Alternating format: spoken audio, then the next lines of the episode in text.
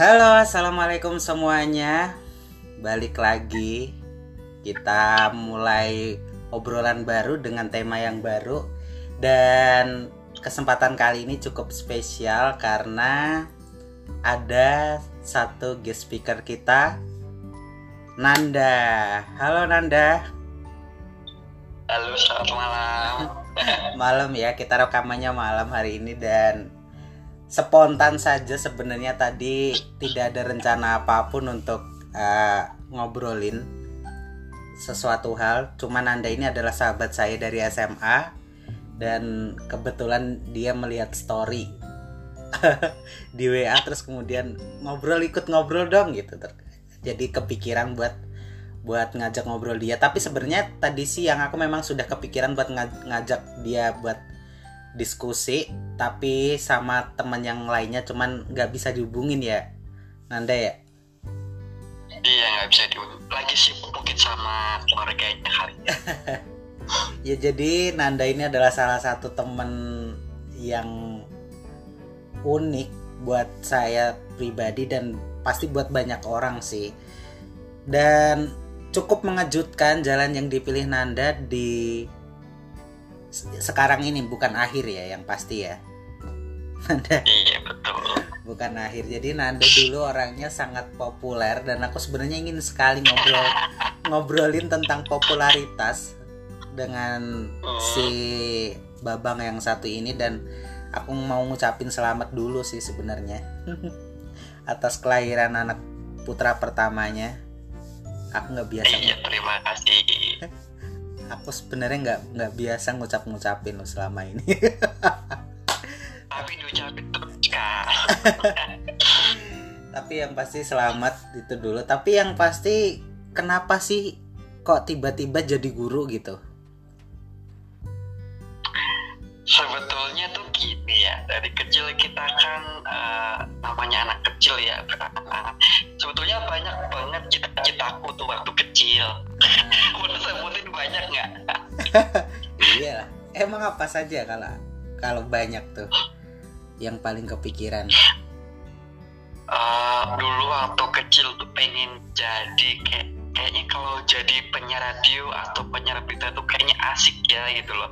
Suara kita didengar oleh banyak orang kayak gitu kan. Terus uh, kalau kerja seperti itu kan gimana ya kalau penghasilannya? Apakah bisa penghasilan banyak dengan bidang seperti itu gitu loh. Terus pengen jadi uh, aktor juga dulu waktu itu. Nah jadi kita kan ikut teater juga kan waktu SMA kan. Terus pengen jadi eh bukan pengen sih pengen berprofesi itu menjadi orang yang berguna untuk sekitar waktu itu. Jadi aku pengen jadi dokter waktu itu. Cuma ya dokter tahu sendiri ya di Indonesia kayak gimana ya dengan sekali karena itu aku di dibilang gini sama guru waktu SMA sama bu siapa aku lupa gitu ya. Bu saya pengen jadi dokter gitu kan oh iya dokter bagus sekarang apalagi dokter spesialis THP nah mulai saat itu tuh aku kayak termotivasi itu pengen jadi dokter THT gitu. Nah terus akhirnya karena biaya dokter biaya kuliah dokter tuh mahal aku pengen jadi uh, guru gitulah. Yang bisa berguna untuk bangsa dan negara untuk orang alah, juga alah gitu. klise banget sih alasannya tapi Enggak, sumpah itu bener-bener dari hati seperti itu iya. bukan alasan ya. Hmm, tapi Terus, tapi memang kepikiran itu, ya jadi jadi guru kepikiran ya? Kepikiran. Waktu itu pengen sih emang jadi guru tapi guru apa bidang apa kan belum tahu. Yang penting jadi guru gitu kan. Nah waktu lulus SMA itu pengen masuk uh, ambil jurusan guru SD waktu itu itu aku keterima di perguruan tinggi swasta nggak aku ambil. Waktu itu aku ngejar di negeri uh, aku nunggu pengumuman di negeri waktu itu keterima. Dan sesuai dengan ekspektasiku pengen jadi guru komputer waktu itu guru IT lah seperti itu. Dan waktu itu tahun-tahunku itu baru dan baru banget dibuka jurusan guru IT gila takdir kan berkata seperti itu itu di universitasnya apa di pekerjaan di universitas ya berarti ya? Iya di universitasnya, ya. Hmm. Jadi itu sepertinya Semarang sama Jogja itu barusan buka eh, jurusan pendidikan eh, komputer itu waktu kita lulus SMA dulu itu itu baru banget. Dan memang ekspektasiku terjadilah kenyataan waktu itu kan. Jadi guru komputer dan keterima di situ. Iya Terus waktu itu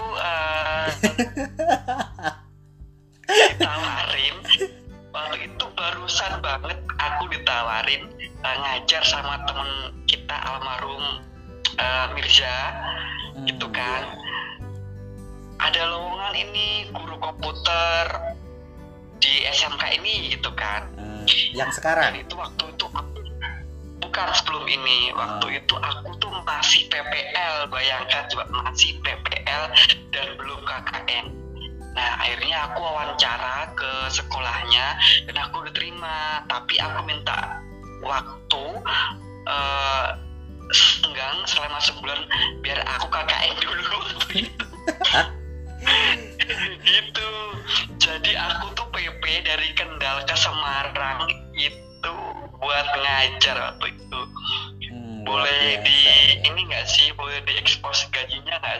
ya sekitar bebas lah. sedikit serah berapa? Ya pokoknya nggak ada tiga ribu rupiah itu aku ngajar dari Senin sampai Sabtu 24 jam itu. Tapi aku seneng banget karena aku ngerasa wah ini nih keinginanku benar-benar dari hati dan benar-benar cita-cita gitu kan.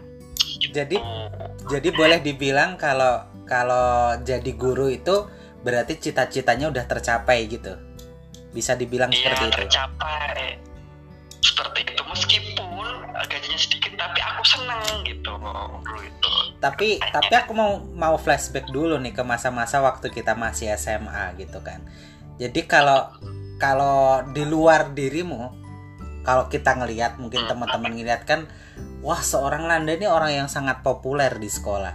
Dia hampir hampir semua apa pun itu ada Nanda nih ada di sana gitu. Dan dan dia orang-orang yang yang pasti diperhatikan karena memang orangnya menarik ceria terus influencer banget lah buat temen-temennya. Itu pasti pasti rame ini orangnya. Dan dan kalau aku pribadi nggak ngamatin itu kayaknya Nanda pokoknya nggak terpikir deh kalau dia harus jadi jadi seorang guru tuh kayaknya nggak terpikir gitu. Dan setauku juga setelah kamu masuk di universitas kan juga jadi penyiar radio kan jadi kalau kita kita lihat tadi cita-cita yang tadi ada penyiar radio terus in- entertainer guru kayaknya semuanya tercapai gitu kan Iya, alhamdulillahnya sih seperti itu gitu kan.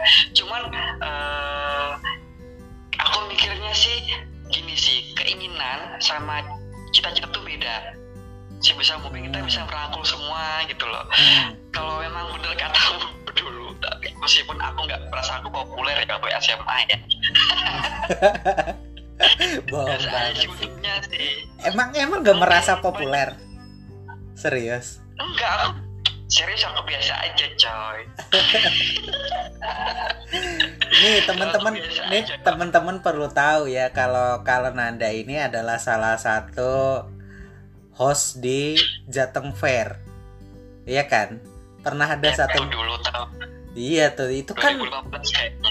Iya, itu kan istilah kata eh, pagelaran terbesar di Jawa Tengah. Dan lo adalah orang yang megang acara itu kan ya populer lah pasti dan aku nggak tahu sih di kalangan kampus bakal dikenal seperti apa karena aku juga bukan satu kampus sama kamu juga kan. Terus cuman image yang melekat pada seorang penyiar radio, seorang host itu pasti populer lah. Nggak mungkin nggak. Ya waktu itu aku mikirnya aduh enak ya jadi entertainer gitu entertain orang entertain gitu loh. Eh, bisa kebangun sana sini gitu kan. Tapi aku mikirnya eh, gini kalau kerja seperti ini itu mohon maaf nih ya nggak bisa tetap. Makanya aku carilah pekerjaan tetap sesuai dengan cita-citaku meskipun passionnya aku di dunia entertain gitu loh. Itu iya iya. Jadi masih masih tergelitik lah ya untuk masuk ke dunia entertain lah ya. Betul. Apa awal-awal jadi guru seperti ini banyak? Emang anda bisa jadi guru? Ah masa sekarang jadi guru gitu loh? Ah nggak yakin nih kalau bisa ngajar. Aduh nggak yakin nih kalau jadi guru banyak banget yang bilang seperti itu dulu waktu aku pertama-tama kerja jadi guru. Underestimate lah ya orang-orang lah ya ya ya gimana image image seorang entertainer dengan guru itu pasti kalau menurutku sih agak bertolak belakang sih. Walaupun sama-sama dia Iya harus tampil di depan umum lah tapi seenggaknya kalau entertainer itu beban moral untuk eh, kepada orang yang di depannya kayaknya lebih sedikit dibanding dengan tenaga pendidik atau guru itu kan. Dan pernah dalam waktu sehari itu di Jateng Pari itu, waktu itu kan aku eh, bawain acara yang paling besar kan acara itu ya Jateng Fair ya Hmm. waktu perayaan Jateng Fair tahun 2015 waktu itu. Paginya itu aku kerja dulu kan, jadi ya guru gitu lah di depan kelas. Yang berwibawa pakai seragam. Terus lalu terus malamnya gila jingkrak jingkrak di mana? Di di panggung panggung gitu kan. Dan kebetulan tuh banyak banget muridku yang nonton. Lihat nonton. Dan aku tuh nggak tahu kalau banyak murid yang nonton kan. Karena kebetulan kebetulan itu eh, aku bawain eh, yang gue starnya gede tuh dua apa ya? Dua sesi. Eh, dua bintang tamu. Iya, dua bukan dua dua hari itu eh, aku bawain yang gestarnya Endang Sukamti sama eh, Om Sera yang dangdut itu kan. Nah kebetulan memang fanatiknya itu memang eh, genre yang seperti itu gitu kan. Alhasil kan banyak nonton. Jadilah esoknya saya bekerja ya, wibawa saya itu luntur gitu. Itu menarik sih da- dan eh, yang yang aku bingungkan sebenarnya bukan ke profesinya. Kalau ke profesi sih pasti kita Hmm. bisa memanage sih tapi yang yang itu tadi maksudnya yang harus mengelola gimana menempatkan diri secara emosional ketika kita menjadi seorang entertain dan juga menjadi seorang yang harus tampil bagus gitu. Ya maaf maaf sih kan pasti beda lah pembawaan ketika kita menjadi seorang entertainer dan menjadi seorang guru itu kan pasti pasti beda banget lah. Ya. Tidak lah kalau hmm. kalau malam ibaratnya gini kalau siang saya berwibawa ya pak ya. Kalau malam kan saya agak-agak eh, apa ya ngebanyol ngebolohin diri sendiri gitulah seperti itu. Jadi kan banyak yang ya terhibur gitu lah istilahnya seperti itu. Jadi kan ya luntur bahwa saya besok harinya pak. Anda tahu gitu.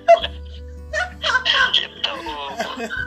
Lalu efeknya eh, setelah setelah itu seperti apa? Memang memang eh, siswa-siswamu notice gitu kalau ih semalam aku kayaknya lihat bapak deh gitu. Apa gimana?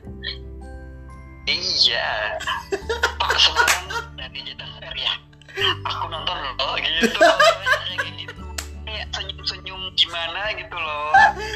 Ya, aduh, aduh itu menarik sih antara antara malu dan eh, antara malu dan nahan tawa sebetulnya sih. Ya udahlah gitu. Gitu. tapi tapi seru ya Iya seru gitu kan. Terus lanjut nih ya. oke Nah, setelah aku mikir-mikir, em, aku harus butuh kerjaan yang tetap nih. Kalau yang memang di dunia entertain seperti ini terus, persaingannya yang banyak, apalagi ya eh, muncul bibit-bibit baru istilahnya. eh, makanya aku harus cari kerjaan yang tetap, meskipun freelance-nya itu seperti itu, gitu kan. tapi tapi Terus aku, eh, lanjut lanjut dulu lanjut ah, gitu. Terus akhirnya aku pernah ke Jakarta waktu itu Oh, waktu iya. kerja di pabrik. Itu aku nggak sesuai passionku kan.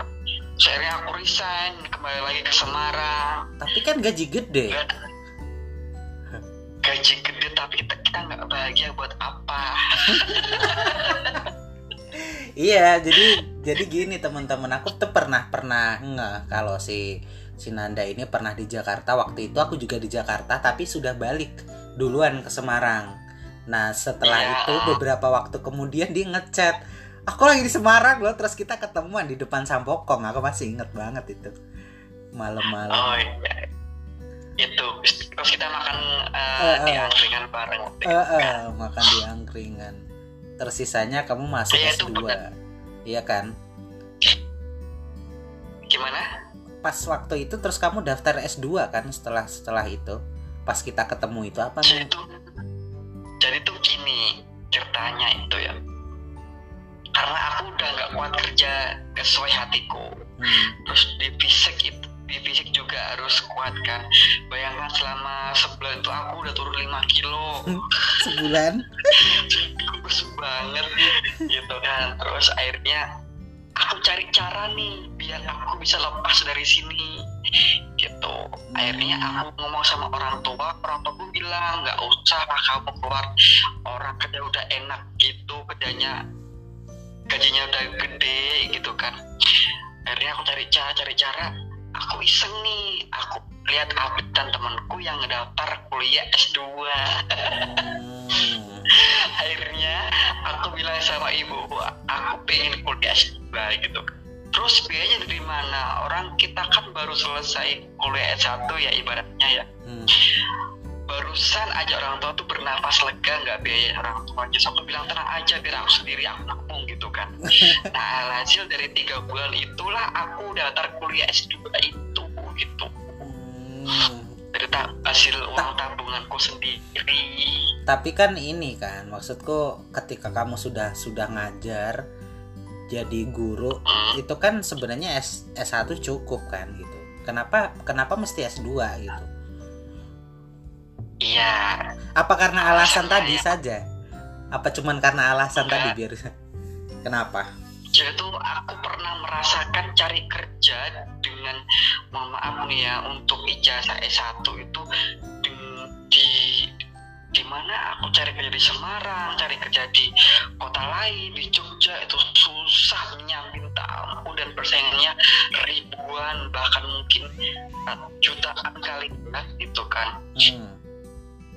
Kok gini gitu ya, aku kayak merasa kurang gitu ilmuku selama S1 aku ngapain aja dengan IPK yang pas-pasan waktu itu gitu kan aku pengen uh, kuliah lagi gitu loh pengen bener-bener kuliah lagi dan bener-bener serius gitu lah alhamdulillah sih emang serius sih ya S2 nya meskipun lulusnya 4 tahun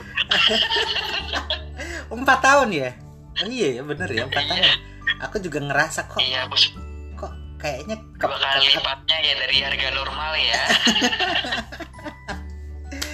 ya apa pun itu sih yang pasti yang penting udah sampai garis akhir lah istilah katanya. Tapi pelajaran dari itu semua adalah bahwa saat ini nyari pekerjaan di, di Indonesia itu memang susah banget ya. Hmm, susah banget. Memang benar-benar tidak sesuai dengan ekspektasi kita. Makanya kalau aku nggak suka banget sama orang yang leha-leha di rumah terus hanya mengandalkan sosmed atau HP itu cari kerjaan mohon maaf nih ya saya selama seminggu sebulan itu muter Semarang ngasih berkas lamaran coy. Gimana? Kelas apalagi perbuatan saya? Tapi tapi aplikasi ada yang nyangkut nggak itu seminggu muter itu ada yang nyangkut nggak? Nggak ada. Nggak ada satupun ya? tolong, gak ada sama sekali. Saya udah muter selama sebulan eh, ngirim-ngirim berkas ke Semarang, gak ada yang lolos. dan itu kira-kira faktornya apa kira-kira emang tidak ada apa lowongan kah atau memang karena ngerasa IPK aku kecil nih atau memang kesempatan kerja itu memang susah banget gitu di di Indonesia atau di Semarang lah kecilnya gitu Yang pertama memang cari cari susah tuh ker- cari kerja tuh susah. Yang kedua tuh kual- kualifikasi kalau menurutku gitu kan. Pada waktu itu CV ku tuh banyak banget yang suka hampir semua orang. Aku pernah apply di job fair kan? Hmm. hampir semua orang di job fair itu yang punya PT perusahaan itu pada suka. Dan banyak yang uh, ini yang banyak yang muji dulu wah bagus ya CV-nya ya. Karena kan kebetulan suka suka desain kan desain grafis gitu. Terus aku sendiri CV-nya yang bagus banyak yang suka makanya aku banyak yang terpanggil di job fair daripada aku lamaran secara manual di PT-PT gitu-gitu Hmm. gitu Tapi tapi itu cuman berakhir di pujian ya, nggak ada panggilan ya.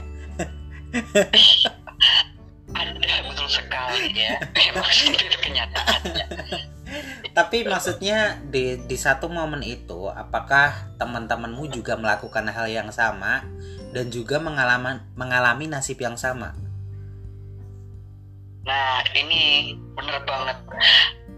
Jadi aku satu kos dan satu kamar sama temanku yang jurusannya itu PPKN, eh, ya keluarga negaraan gitulah, Hmm. gitu kan. Nah, jadi aku merasa itu aku masih lumayan banget cari kerjanya. Masih beruntung gitu loh. Hmm. nggak kayak teman-temanku yang lain. Itu sangat susah. Mungkin karena jurusanku IT banyak yang dibutuhkan ya di latar belakang misalkan kayak teknisi kantor perusahaan dan sebagainya. Itu banyak membutuhkan dan banyak lowongannya. Daripada teman-temanku yang di bidang lain itu uh, lebih susah gitu loh. Dan bahkan susah banget. Dan temanku tuh baru setahun itu baru dapat kerjaan yang jelas. Sesuai bidangnya? Setahun, dua- atau enggak? sesuai keingin sesuai keinginannya. Sesuai dan keinginannya. temanku kerja di uh, maskapai Batik Air di uh, mana? Di bandara mana sih satunya lah bandara mana? Jakarta? Kok lupa ya ya namanya. Itu Halim. Iya di Halim Hmm. Di- gitu di situ itu itu jurusan apa dia? dia jurusannya PPKN tadi Oh, PPKN. Tapi keterimanya di situ Iya, jadi temanku itu punya ekspektasi dan keinginannya itu pengen kerja di bank, jadi banker gitu loh, perbankan Hmm. lah seperti itu kan. Padahal kalau perbankan tesnya kan ada kewirausahaan, mohon maaf ya kewirausahaan warga negaraan ya mohon maaf ya, tapi dia nggak pernah lolos di bank mana pun, aku nggak tahu gitu kan. Tapi emang susah sih, susah, susah. Terus akhirnya dia terima di maskapai Batik Air itu di Bandara Halim kayak gitu. Itu kaitannya dengan pekerjaan dan kira-kira tentang background pendidikan lah ya. Nah, kita nyambung lagi ke Iya. profesi. Sekarang dengan perjalanan yang sudah uh, kamu lewati itu sedangkan kamu ngajar juga di SMK yang notabene umumnya orientasinya adalah pekerjaan. Apa yang kamu sampaikan ke, ke siswa-siswamu? Jadi gini, ini flashback dulu sebentar ya. Empat tahun lalu, untuk saat masuk S2 itu ada rekomendasi dari dosen. Dosen siapa pun itu, termasuk dosenmu yang dulu S1 gitu kan. Nah, saya minta ke bapaknya yang dulu ngajar aku kuliah S1 gitu. Ini, eh, Pak, saya mau minta rekomendasi untuk syarat saya masuk perguruan eh, di program magister. Nah, saya masih bingung Pak, apakah saya mengambil kurikulum atau saya mengambil manajemen atau saya mengambil mengambil pendidikan vokasi gitu kan. Hmm. Anda pinginnya apa gitu? Saya bingung Pak, tolong rekomendasikan saya yang mana gitu kan. Ya udah yang pendidikan vokasi aja. Dan kebetulan bapaknya itu juga ngajar di jurusanku S2 gitu kan Hmm. akhirnya aku bilang pendidikan vokasi ternyata setelah masuk itu eh, jurusanku tuh jurusan baru dan baru beberapa tahun dan masih akreditasinya masih B waktu itu. Tapi sekarang kayaknya sudah A. And then, terus aku nggak tahu dong latar belakang pendidikan vokasi itu seperti apa. Ya yang aku tahu dan aku punya bekal yang pernah mengajar di SMK dulu gitu kan. Hmm, ternyata jurusanku itu bidangnya sangat luas dan aku tambah di situ. Berkaitan dengan industri berkaitan dengan siswa SDM dan manajemen sekolah itu aku seneng gitu loh dalam bidang itu gitu. Intinya itu gini kalau pendidikan vokasi. Bagaimana caranya kita membuat SDM uh, siswanya dan secara manajemen sekolahnya itu yang berbasis dengan industri agar kualitas SDM siswa itu bisa terserap di industri di luar setelah lulus seperti itu. Keren kan tuh teman-teman Sinanda tuh karakternya begini orangnya rame gitu. Jadi guru kebayang gak sih? Tapi yang pasti uh, dengan background itu tadi yang pendidikan yang kamu ambil akhirnya ngambil di magister vokasi nah kamu pasti juga ngelihat dong gimana realita di lapangan bahwa dengan pengalamanmu juga tadi nyari kerjaan yang susah bahkan itu ketika sudah memiliki es uh, gelar atau apa ya tadi istilahnya sarjana lah dibanding dengan SMK cuman kan ekspektasi di lapangan bahwa SMK memang harus lebih terampil dan lebih punya skill gitu kan kira-kira kira-kira keseimbangan antara realita lapangan dalam artian ketersediaan industri dengan skill-skill apa siswa-siswa di SMK itu seperti apa? Apakah memang bisa masuk atau ini hanya formalitas pendidikan gitu? Jadi tuh gini, um, aku bangga pemerintah yang sekarang itu luar biasa dalam mengajukan pendidikan vokasi. Dan itu benar-benar sekarang sudah ditata ditata sedemikian rupa itu untuk mensinkronkan uh, di industri dan di sekolah. Seperti itu kan. Dan tapi minusnya apa sampai sekarang? Masyarakat tuh belum tahu latar belakang sekolah SMK itu seperti apa gitu loh. Oh anak ini ingin passionnya misalkan ya karena SMK kan banyak sekali bidang ya. Hmm. ada sekitar delapan atau enam sebidang tuh yang terpencar tuh banyak banget jurusannya. Mulai dari pariwisata sampai teknik itu ada semuanya.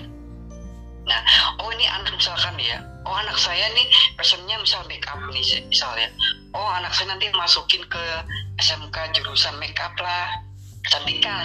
Seperti itu misalnya ya. Oh anak saya ini sukanya dalam bidang otomotif, oh saya masukkan anak saya di bidang SMK otomotif. Seperti itu. Harusnya loh ya. Hmm. Tapi orang tua tuh salah itu misalnya seperti ini, ala anak SMK sekarang anak SMK tuh nggak bisa masuk kuliah jangan salah. Justru anak sekolah SMK itu bisa masuk kuliah dan dia bahkan punya bekal pelajaran di SMK tinggal meneruskan di jenjang S1 gitu. Lebih maju daripada yang lulusan SMA sebetulnya seperti itu. Itu meskipun pemerintah memprogramkan lulusan SMK itu adalah siap untuk bekerja tapi mereka juga siap untuk kuliah. Gitu. Tujuannya itu ya. Tapi iya, tapi gimana? jadi, tapi realita industrinya gimana? Seperti apa? Apakah memang apa bidang-bidang tadi itu memang dibutuhkan? Atau sebenarnya uh, gimana ya ngomongnya? Atau memang jurusan-jurusan itu dibentuk istilahnya hanya untuk untuk pendidikan pecahan pecahan jurusan yeah. katakanlah seperti itu? Atau memang sebenarnya dibentuk karena industrinya sedang ada gitu ya jadi gini uh, spektrum pendidikan itu berkembang setiap tahunnya sebetulnya dan bidang-bidang juga berkembang setiap tahunnya disesuaikan dengan kebutuhan lapangan pekerjaan yang ada. Nah, untuk mem untuk membuat jurusan yang baru di SMK itu kita kan apply dulu ke pemerintah istilahnya seperti itu kan. Dengan jurusan ini misalkan, oh saya uh, mau mengapply saya mau membuka jurusan tata boga misalkan untuk memasak. Sedangkan uh, di lapangan jurusan boga itu kenyataannya misalkan ya tidak terlalu dibutuhkan maka nggak boleh buka gitu oh dialihkan jurusan yang lain yang sekiranya lapangan kerjanya tuh banyak. Seperti itu. Hmm, tapi Tuh. tapi eh ini di di sekolahmu saja lah tidak meluas. Atau kalau kalau memang kamu memungkinkan tahu boleh di share Hmm, jadi eh di Indonesia itu kan umumnya kita dibayar berdasarkan ijazah yang kita punya kan gitu. Jarang sekali orang yang dibayar karena skill kecuali kalau memang dia sudah profesional sekali gitu. Sudah banyak dikenal Iya. itu mungkin dia akan dibayar secara skill. Tapi bagaimana dengan anak-anak SMK ini dari dari siswa-siswa alumni SMK ini? Apakah mereka walaupun punya keterampilan yang luar biasa apakah me- memang tetap dapat gajinya juga setara dengan gaji apa ijazah misalnya? Atau dia dibayar berdasarkan skill yang dia punya Iya bener memang dia dibayar dengan skill yang dia punya dan diupahi eh, dengan honor yang tinggi sesuai dengan bidangnya masing-masing. Gitu misalkan ya jurusan eh, apa namanya seperti SMK pelayaran gitu kan dia kan diserap tenaga kerjanya untuk berlayar dan sebagainya itu pasti gajinya banyak. Terus misalkan dia teknisi dalam bidangku IT misalkan ya diserap dalam lowongan eh, misalkan perusahaan atau apa di bidang IT atau di mana pun yang membutuhkan IT pasti gajinya banyak tergantung dengan eh, perusahaan dia gitu. Itu pasti. Eh, bahkan pernah nih ya pernah nih alumni nih datang ke sekolah. Hmm, oh sekarang kerja di mana gitu? Eh, sekarang sudah di layan parcel gitu. Oh itu gajinya berapa? Lebih banyak gaji dia daripada gaji gurunya. Itu jangan salah loh. Iya, kadang kadang kadang gimana ya bilangnya? Kadang kadang suka kesel sih ya memang. Kalau kita berbicara ketimpangan gaji menurutku memang di Indonesia masih belum belum bisa rata lah. eh, eh, belum bisa rata berdasarkan beban tanggung jawab dan juga skill yang dia punya. Mungkin kalau skill ya kalau kita compare ke berbagai profesi sih sebenarnya itu memang kadang suka suka nggak seimbang. Walaupun sebenarnya sudah diatur dengan UMR tapi ya faktanya kan tidak bisa dipukul rata semua gitu.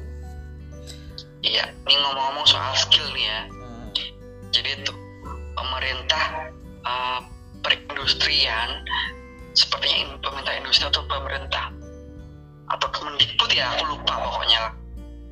Lah ngomong soal skill orang itu ada sertifikatnya dari skill yang dia miliki. Oh ada tiga sertifikasi tahapan. Ada tiga tahapan. Dari eh, yang mengelola adalah eh, apa namanya namanya adalah LSP lembaga lembaga sertifikasi, sertifikasi profesi. Profesional. Oh profesi. Ya Oke. dia yang menilai orang apakah orang ini profesional dikatakan profesional dalam bidangnya mohon maaf ya banyak sekali yang bilang atau promosi jasa profesional makeup wedding profesional makeup artist profesional fotografer mohon maaf kata profesional itu ada skalanya yaitu orang yang Mahir. dikatakan profesional ya ya itu harus eh, diuji melalui LSP dan ber- yang ber yang sudah bersertifikat eh, profesi tadi dari LSP tadi Gitu. oke oh seperti itu jadi pro- jadi sertifikatnya itu ada lambang Garuda gitu yang bentuk glowing glowing gold gitu, seperti itu sih. Iya di jadi. Jadi itu adalah salah satu info penting yang bisa di di sharing dari Pak Nanda ini teman-teman kalau kalau pengen tahu ternyata profesional itu bukan klaim tapi ada ada lembaga yang mensertifikasi yang menyatakan bahwa ini dia lembaga uh, kemampuan yang profesional, ini make up yang profesional dan itu tidak serta merta klaim. Jadi teman-teman itu adalah satu pengetahuan yang cukup penting walaupun tidak penting-penting amat sebenarnya. Untuk uh, Ya, apa penting sih. penting. Memang penting untuk katakanlah gini lah kalau kita bilang profesional memang penting dia untuk biasanya yang yang seperti itu dibutuhkan untuk eh, pendidikan atau Iya, pelatihan. Itu memang dibutuhkan tapi tapi bagi kita pengguna jasa kadang tidak tidak kan? eh, tidak terlalu paham lah atau tidak terlalu diperhatikan seperti itu. Nah, dan di Indonesia itu hampir semua bidang itu ada eh, sertif apa sertifikatnya gitu loh. Dan ada uji profesinya. Bahkan tukang pijat pun ada loh jangan salah. Dikatakan tukang pijat profesional yang bukan abal-abal itu ada sertifikatnya. Gitu. dan dan itu sebenarnya berpengaruh pada tarif dan gaji ya honor ya. Sebenarnya itu kan? berpengaruh. Berpengaruh untuk persaingan SDM sebetulnya sih. Di, di di luar negeri maupun di Indonesia sendiri. Kalau kamu punya ijazah dan uh, sertifikat itu, kamu akan sangat diperhitungkan.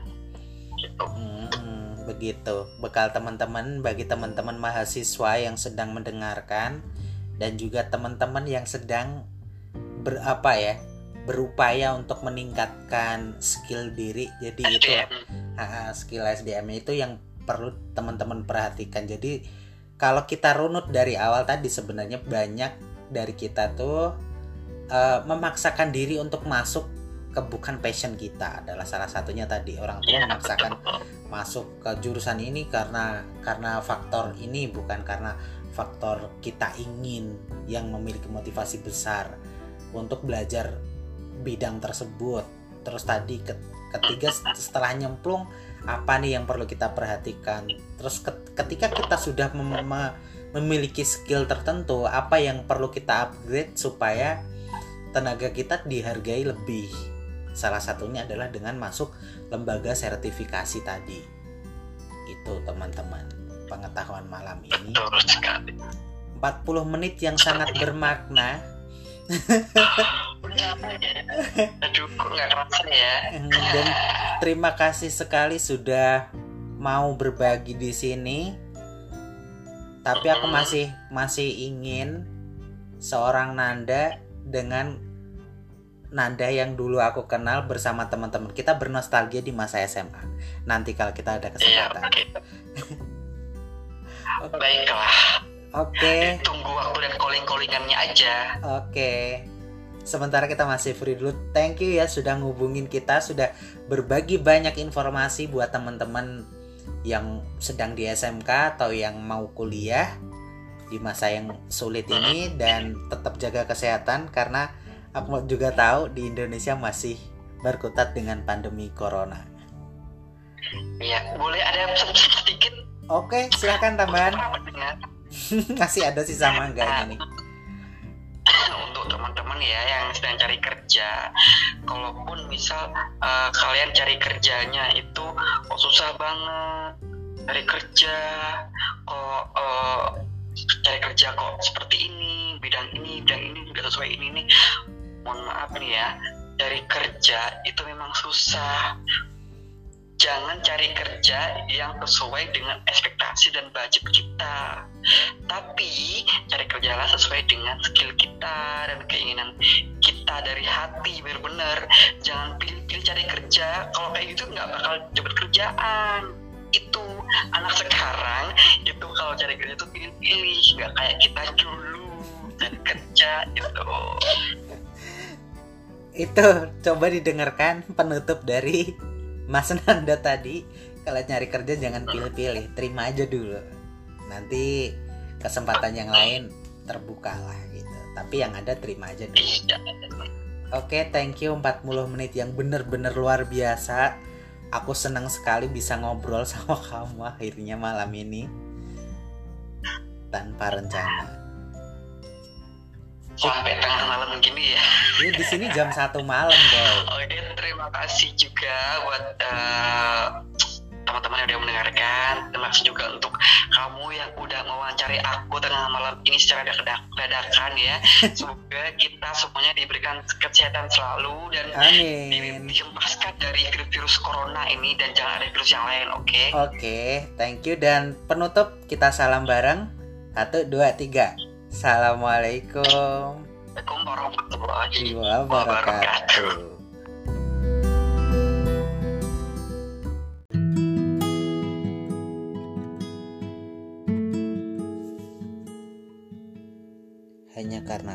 Bukan siapa-siapa, lantas kalian semua bisa memperlakukanku seperti itu.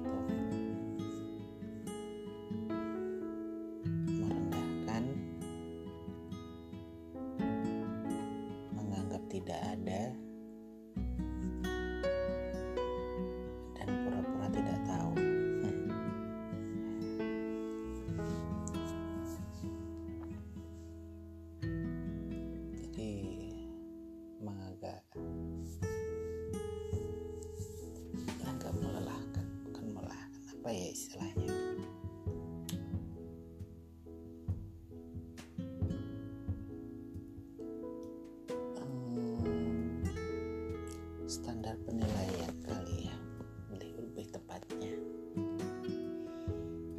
Atau bisa juga disebut sebagai prioritas. Di mana prioritas itu jika dilekatkan kepada manusia mungkin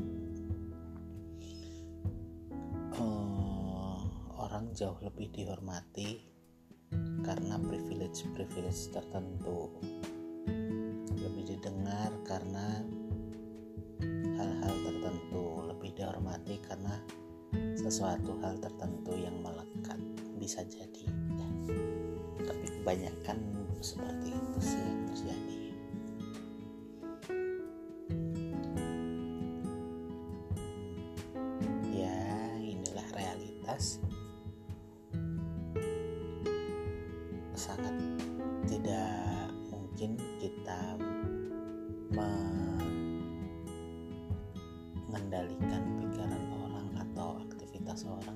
respon orang lain terhadap diri kita sesuai yang kita mau. Sekalipun kita tidak punya niatan buruk atau keinginan kita justru baik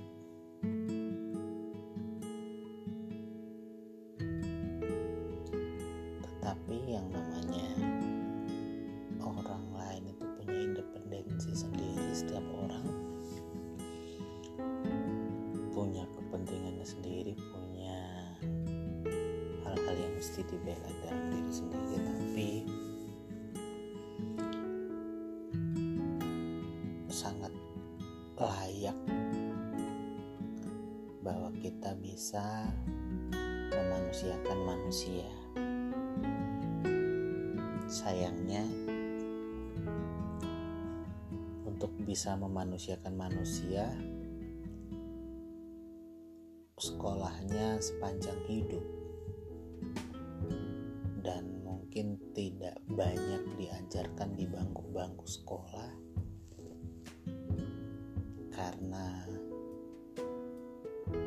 mungkin itu menyangkut soal perasaan soal rasa dan karsa sebagai manusia dan yang ingin diperlakukan sebagai manusia agak unik memang. Karena manusia menjadi begitu inginnya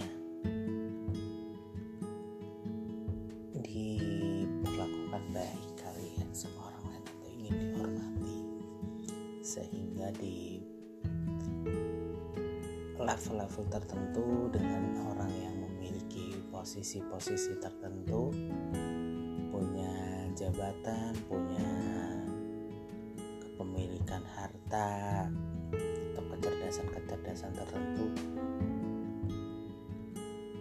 cenderung tampak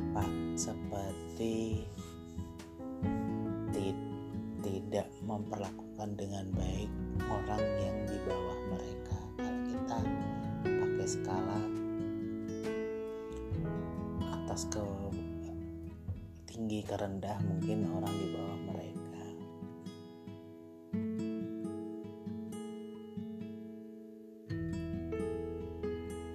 Kalau dibilang itu sebagai preferensi orang lain berbeda saya pikir tidak. Karena sebagai manusia itu normalnya adalah sama rata. Tapi realitanya orang-orang yang lebih pintar orang-orang yang lebih kaya dan punya jabatan tertentu dan mereka bisa membanggakan itu. Ya mungkin itu memang sifat dasar sih ya. Tapi yang jauh, jauh lebih hakikat dan lebih penting adalah bagaimana sih kita mengelola perasaan atau emosional kita ketika kita mendapatkan posisi yang tidak nyaman tersebut atau posisi di bawah dan menghadapi orang-orang yang di atas kita yang dalam tanda kutip memperlakukan kita tidak sebaik yang kita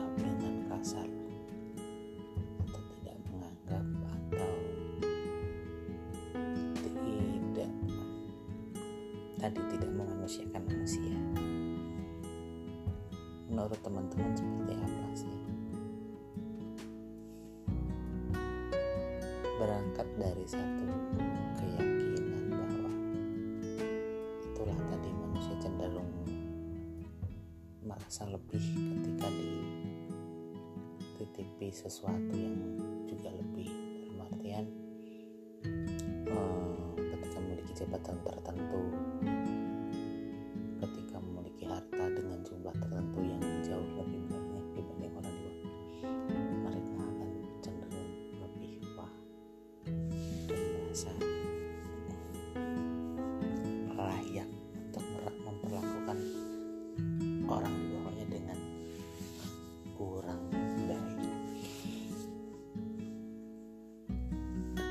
kesalahan yang mereka lakukan dianggap wajar saya bertanya sih sebenarnya bukan membuat pernyataan. Karena terus terang saya juga bingung. Ya